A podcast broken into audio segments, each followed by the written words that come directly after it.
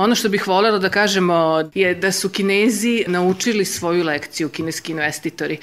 Ling Long je primjena najboljih praksi koje su oni imali i prilikom uh, građanja fabrike, prilikom angažovanja. Vi vidite da tamo ima jako malo prostora i glavna karakteristika je da ostanu hermetički zatvoreni i da zavedu svoj ovaj, sistem vlada na, na toj jednoj uh, teritoriji na kojoj rade i da apsolutno ne izađe ništa napolje. Ja sam otišla prva, posle toga sam otišla zajedno sa Ksenijom i zapravo zahvaljujući uh, tom e, izveštaju i reportaži koje je uradila ekipa N1 je stvar eksplodirala.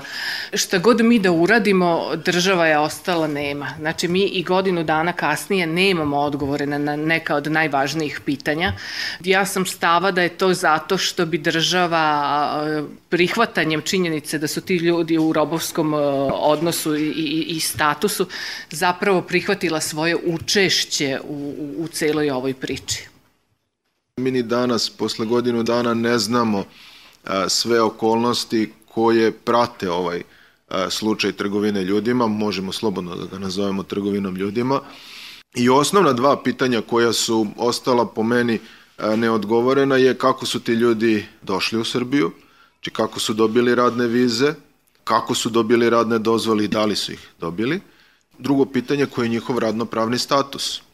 Da li mi na njih uopšte možemo da primenimo zakone Srbije ili, kao što tvrde neke institucije u Srbiji, na njih ne može da se primeni radno pravo Srbije.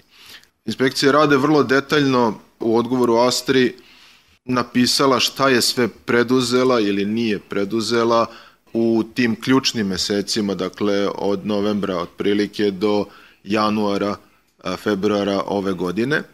I u tom periodu se može zaključiti da je delovanje inspekcije rada bilo vrlo, ja bih rekao, zanimljivo, a njihov odgovor je veoma šizofren. Dakle, ne postoji neka blaža reč da se to... On je prepun kontradiktornosti. Najprej inspekcija rada tvrdi da e, su radnici koji su zatečeni tamo uglavnom ili upućeni na rad e, od strane stranog poslodavca, kineskog poslodavca, dakle upućeni na rad u Srbiju, ili su se kretali kroz privredno društvo. To su, ako gledate zakon o zapošljavanju stranaca, to su dve situacije od ukupno četiri vrlo redke situacije kada se na zaposlene ne primenjuje pravo Republike Srbije. Podrazumeva se da su oni ako su upućeni ili ako se kreću kroz privredno društvo došli na vrlo kratak period da obave neki određeni posao da oni ostaju zaposleni kod stranog poslodavca i da a, u tom smislu mi na njih ne možemo da primenimo zakon o radu kao osnovni akt Republike Srbije kada je reč o radnopravnim propisima. Međutim, svi dokumenti do kojih smo došli, sve ono što sam ja analizirao u smislu sporazuma i ugovora koji su radnici e, iz Vijetnama potpisivali, govori protivno ovoj tvrdnji inspekcije rada. U samom odgovoru inspekcije rada nema ni jednog dokaza, dakle ne piše da su e, inspektori pronašli to i to e, zbog čega su došli do e, zaključka da se na ove ljude ne primenje pravo Srbije. Mi sa druge strane imamo ugovore o radu koje su ti radnici zaključivali u Srbiji sa ogrankom kineske kompanije koja je registrovana u Agenciji za privredne registre u Srbiji, dakle koje je poslodavac prema zakonu o radu, poslodavac u Srbiji i na taj način su bili zaposleni u Srbiji. Ono što je jako zanimljivo jeste da inspekcija rada protivreči sama sebi, jer par stranica kasnije u tom odgovoru stoji da od 353 radnika koje su oni evidentirali kod poslodavaca iz Vijetnama, je samo 35 u tom trenutku imalo radne dozvole. To je 10%. 318 ljudi nema radnu dozvolu i radi ono što mi kažemo na crno. Postavlja se pitanje kako inspekcija rada može da zaključi da su to upućena lica ili se kreće kroz privredno društvo ako ne postoji radna dozvola. Šta su oni to onda pregledali? Sad se postavlja jedno logično pitanje, ako je procena novinara bila, evo Ivana će mi ispraviti, između 600 i 1200 vjetnamskih radnika, sami radnici su nekim izjavama pričali da se njihov broj kreće između 700 i 1000, da je još 350 do 700 radnika koji ne postoje, znači nema ih čak ni u papirima koje inspekcija rada pregledala. Gde se oni nalaze? Kako su oni ušli u zemlju? Zbog čega su ušli u zemlju? Da li su prošli kroz sistem nacionalne službe za zapošljavanje, još važnije kroz sistem Ministarstva unutrašnjih poslova? Ako su prošli, na koju su vizu ušli? Kako su dobili radnu vizu ako nisu čak ni predviđeni za izdavanje radne dozvole? Ste dobili radnu vizu, morate da imate poslodavca u Srbiji. Nema nikakve nedoumice da su u pitanju a, vijetnamski radnici koji su preko agencije za posredovanje u zapošljavanju došli iz Vijetnama u Srbiju, ovde zaključili ugovor o radu sa kineskim poslodavcem koji je registrovan u Srbiji, dakle sa srpskim poslodavcem i na koje se primenjuje radno pravo Srbije. Ti ugovori su katastrofalni. Trajanje radnog vremena, neplaćeni prekovremeni rad, neplaćeni da, rad neradnim danima, faktička nemogućnost korišćenja godišnjeg odmora, zabrana organizovanja sindikata, e, zabrana jednostranog otkazivanja ugovora od strane radnika, to su sve stvari koje su prisutne u tim ugovorima. Kada se ti ugovori upare u nekoj pravnoj analizi sa onim sporazumima koje su oni potpisivali u Vijetnamu, a u kojima stoje neke neverovatne stvari. Astra je ozbiljna organizacija, ali kada sam prvi put video sporazum, ja sam mislio da je u pitanju šala. Tamo stoji da ako slučajno ukradete nešto ili šta je već stajalo, da će vam biti odsečena ruka, da se u Srbiji primenjuju šerijatski zakoni, mislim da se ni u više ni u islamskim zemljama ne primenjuju takve vrste zakona. Dakle, oni su bili zastrašeni da ni po koju cenu ne stupaju u kontakt sa lokalnim stanovništvom, jer smo mi neki krvoločni, krvožedni ljudi koji će im na najmanji prekršaj verovatno nešto jako loše uraditi. Druga stvar u tim sporazumima, zapravo nekim izjavama koje su oni potpisivali, jeste da su oni obavezivali na ogromne da isplate ogromne e, cifre u slučaju da se vrate pre isteka ugovora u Vijetnam i čak su tim sporazumima obavezivali svoju porodicu, ako se oni ne vrate da je porodica dužna da to, ako nekoga ucenite time da mora da vrati nenormalno visoku cifru ili njegova porodica praktično u Vijetnamu ispašta zbog toga, onda ste vi njega prinudili da ostane tu gde jeste bez obzira na uslove rada. A faktički uslovi rada su za te ljude bili još gori od onih koji su ugovoreni. Najpre mislim na uslove iz oblasti bezbednosti zdravlja, zaštite zdravlja na radu, ali onda i smeštaja i ishrane, dakle ne samo uslovi na radu, nego i uslovi života. Ja zaista ne znam u koje ugovore inspekcija rada imala uvid, ali ovim ugovorima se poslodavac obavezao da će obezbediti ishranu i smeštaj ovim ljudima. Dakle, kada inspekcija rada kaže mi smo tu nadležni za bezbednost i zdravlje na radu, ali nismo nadležni ni za šta drugo, nije tačno, zato što se smešte i ishrana smatruju radno-pravnom obavezom poslodavca u kontekstu ispunjavanja ugovora i drugo, bolestan, neuhranjen, umoran radnik je rizik u procesu rada. Ništa od toga nije bilo predmet inspekcijskog nadzora, osim bezbednosti zdravlja na radu, gde se pokazalo da je sve na samom gradilištu bilo u redu onda kada su inspektori rada vršili nadzor. Ovo izlazi iz radnopravnog dela i ta neodgovorena pitanja ukazuju na krivičnu odgovornost ljudi koji postoje negde u institucijama imenom i prezimenom.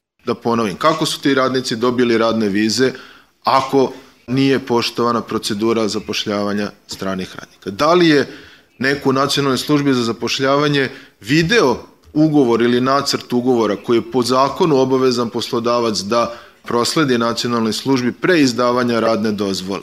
Ako je video, kako je mogao da prećuti užasno intenzivno kršenje zakona u tim ugovorima. Ako nije video kako su izdate te radne dozvole, makar tih 35 koliko ih je izdato. Šta se dešava sa poslodavcem? Da li je poslodavac oglasio na domaćem preko nacionalne službe potrebu za radnicima na domaćem tržištu rada, što je dužan da uradi u roku od 60 do 10 dana, znači od samog traženja radne dozvole. Da li je neko konstatovao da u Srbiji ne postoji niko ko će da radi proste manualne poslove za koliko je već tamo bilo u onim ugovorima navedeno 80.000 dinara? Baš ni jedan radnik se nije javio, nego smo sve morali da dovedemo iz Kine i Vijetnama. Ne znam da li ste čuli za slučaj Serbaz, To je slučaj radne eksploatacije radnika Makedonije, Srbije Bosne i Hercegovine, koji je konačno dobio epilog na Evropskom sudu za ljudska prava, gde je u slučaju Zoletić protiv države Azerbejdžan odlučeno da država Azerbejdžan nije sporovela delotvornu istragu i da je na taj način uskratila prava radnicima koji su bili eksploatisani na tadašnjem gradilištu i tom odlukom e, određen broj državljana Bosne i Hercegovine su na neki način dobili da je neko prepoznao da oni jesu bili žrtve trgovine ljudima u svrhu radne eksploatacije i da su dobili neku novčanu nadoknadu posle nekih 13 godina. I nama je to bila jako velika inspiracija. Ako smo mogli tada, jer već smo svi bili digli ruke da će ti ljudi ikada dobiti bilo kakvo zadovoljenje, a eto, posle određenog vremena su dobili, mi smo mislili hajde da pokušamo sada da napravimo nešto slično. Međutim, jako brzo je postalo jasno da se okolnosti razlikuju i da nećemo to moći na taj način da radimo. Zbog čega? Zbog toga, između ostalog, što su uslovi u kojima su ti radnici zatečeni, njihov nivo prestrašenosti, nepoverenja, zatvorenost, U momentu kada e, je sprovedena prva poseta, oni su bili i gladni i bilo im je hladno i bili su potpuno bez ikakve trunke poverenja u bilo koga. I nastavno što nisu baš mogli da izađu kad su hteli. U Serbazu su bili naši radnici eksploatisani na teritoriji države Azerbejdžan.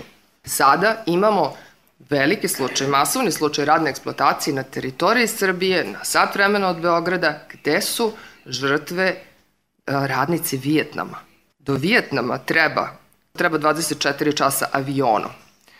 Prvo počet, početno pitanje, zašto baš iz Vijetnama? Dalje, postojala je jako velika prepreka, još uvek postoji, a to je jezik.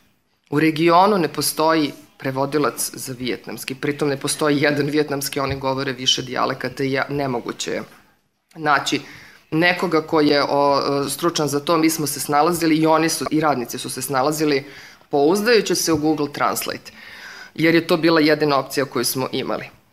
Ovaj trend da mi postajemo nekome zapad i da se uvoze radnici sa namerom da se eksploatišu, migranti i najavljene su uh, saradnja sa još nekoliko država iz koje, koje se takođe očekuje priliv radne snage, to niko od nas nije mogao da pretpostavi. Šta smo mi onda dakle odlučili ovde da radimo? Jedna stvar je uh, funkcionisanje našeg tima za podršku žrtvama. Dakle, to su moje koleginice konsultantkinje koje su išle na teren, koje su 24 časa bile u kontaktu sa tim radnicima na svaku poruku, a uglavnom su im poruke izgledale molim vas pomozite, hoću da idem kući, pomozite mi, hoću da izađem odavde. A potom je bilo i poruka, nije mi dobro, boli me stomak, povredio sam nogu, gde naša koleginica zovu hitnu pomoć, gde se niko ne odaziva, gde dobijemo neka sasvim suludna objašnjenja oko toga zašto može ili ne može da se, da se priđe tamo. Dakle, to je bila jedna trasa, pružanje direktne pomoći i podrške onoliko koliko smo mogli, jer ne možete da pružite, odemo na teren, ne možemo da uđemo. Sa radnicima komuniciramo kroz kapiju, ako je uopšte moguće. Pa onda vidite da najđe neko, pa se radnik uplaši, pa prestane i da priča i skloni se. Drugi kolosek. Srbija sada ima, makar na papiru, prilično razvijen nacionalni mehanizam za upućivanje žrtava trgovine ljudima. I mi smo rešili da taj sistem stavimo u funkciju, odnosno da isprobamo. Ukazivali smo svakome u odnosu na njegovu nadležnost da se u Zrenjaninu dešava to i to i molile da reaguje u skladu sa onim što bi trebalo da radi. Potom, ako ne bismo dobili nikakav odgovor, mi bismo pisali i tražile ponovo po osnovu zakona o dostupnosti informacije od javnih značaja, molimo vas obavestite nas šta ste uradili po tome i tome. I tako u krug, pokušavajući da saznamo kako se to desilo. Ko su sve akteri? Odakle sada takva priča na teritoriji Srbije?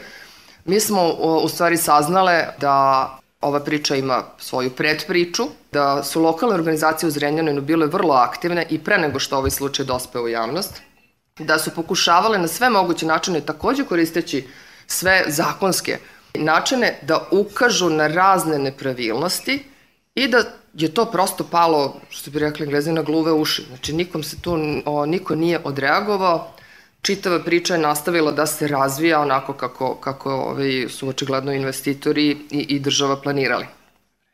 Pre nekoliko dana je objavljen izveštaj o napretku Srbije ka ovaj, Evropskoj uniji, gde se na dva mesta pominje ovaj slučaj. Ishod neće biti isti kao u Serbazu. To je jasno. Znači, ovo neće na taj način završiti na nekom sudu i ti ljudi koji su bile eksploatisani novembra, decembra, januara, februara, sad evo što kaže Ivana, sad će godinu dana, većina njih se odavno vratila u Vijetnam. Ali čemu služi ovaj izveštaj? Služi tome da pokušamo da podstaknemo našu državu da reaguje da se ovakvi slučajevi ne bi ponavljali. Jer očigledno je da se trend toga da naši radnici, naši e, stručni radnici odlaze na zapad, a da mi postajemo teren gde će dolaziti radna snaga sa bliskog i dalekog istoka. Dakle, ovakve situacije moraju biti sprečene. Sticujem okolnosti sa Linglong fabrikom za proizvodnju guma, barem prema onome što smo mi uspele da pronađemo, ugovore za kupovinu proizvoda pneumatika guma imaju Volkswagen i Renault. A opet sticajem okolnosti Nemačka i Francuska su dve države u Evropskoj uniji koje imaju prilično napredan okvir za odgovornost u lancu snabdevanja i takozvane korporativne odgovornosti. Mi smo se obratili Volkswagenu, poslali smo im ovaj izvešti i rekli molimo vas pogledajte o čemu se ovde radi, da li vi zaista želite da kupite proizvod koji je nastao ovako. Taj proizvod se još i ne prodaje, da budemo jasni, fabrika nije gotova, fabrika tek treba da se izgradi. Isto to radimo i sa Renaultom ali paralelno, sem što se obraćamo kompanijama, jer kompanije imaju svoju logiku, njih vodi profit, mi se obraćamo i nadležnim organima u Nemačkoj i u Francuskoj. Koliko mislite da je ovaj slučaj zapravo samo ukazivanje na ne samo odgovornost sistema, nego koliko je ovo zapravo sistem? Nismo pomenuli čuveni centar za zaštitu žrtava trgovine ljudima koji prema izveštaju Evropske komisije dalje radi samo što nije utvrdio posle godinu dana da li su vjetnamski radnici zaista žrtvi ili nisu. Dakle, mi pričamo o nekim krivičnim delima, podnete su neke krivične prijave, pričamo o odgovornosti inspektora rada, nesvatljivi su ta neka tumačenja tih postojećih propisa. I sada sa druge strane imate one političke izjave, kao što je izjava zaštitnika građana da oni nisu gladni, nego čekaju kuvara da dođe iz Vjetnama da priprema njihova jela, jel?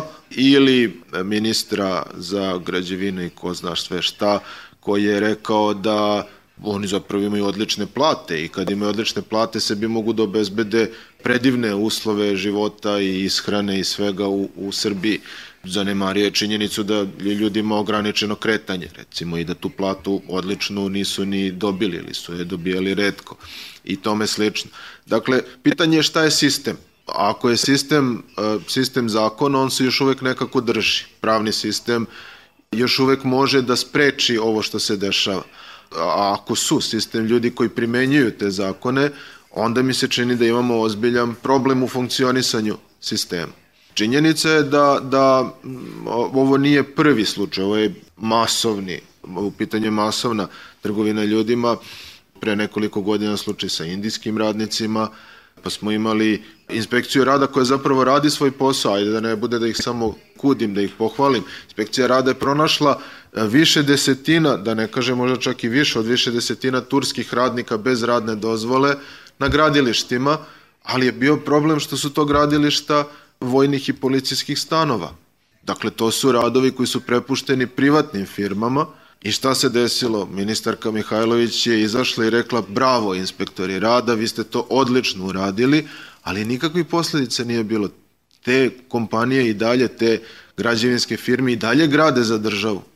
Tu se primeće, čini mi se, jedna šema gde politika zalazi, da ne kaže neki drugi interesi, zalaze u primenu prava, ali dogod nemamo jel, dokaza za to, ne mogu sada da kažem da je to jel, neko koruptivno krivično delo, nego ću umesto toga reći, eto, možemo da uočimo neku šemu ponašanja ili ne ponašanju politički osetljivim a, slučajevima kada je reč o primeni radnog zakonodavstva, čini mi se i krivičnog zakonodavstva. Čini mi se da su ovde problem politike koje idu ka tome da se nadomesti nedostatak radne snage po svaku cenu uvozom što jeftinije i što ranjivije radne snage koja onda rezultira ovime što smo imali.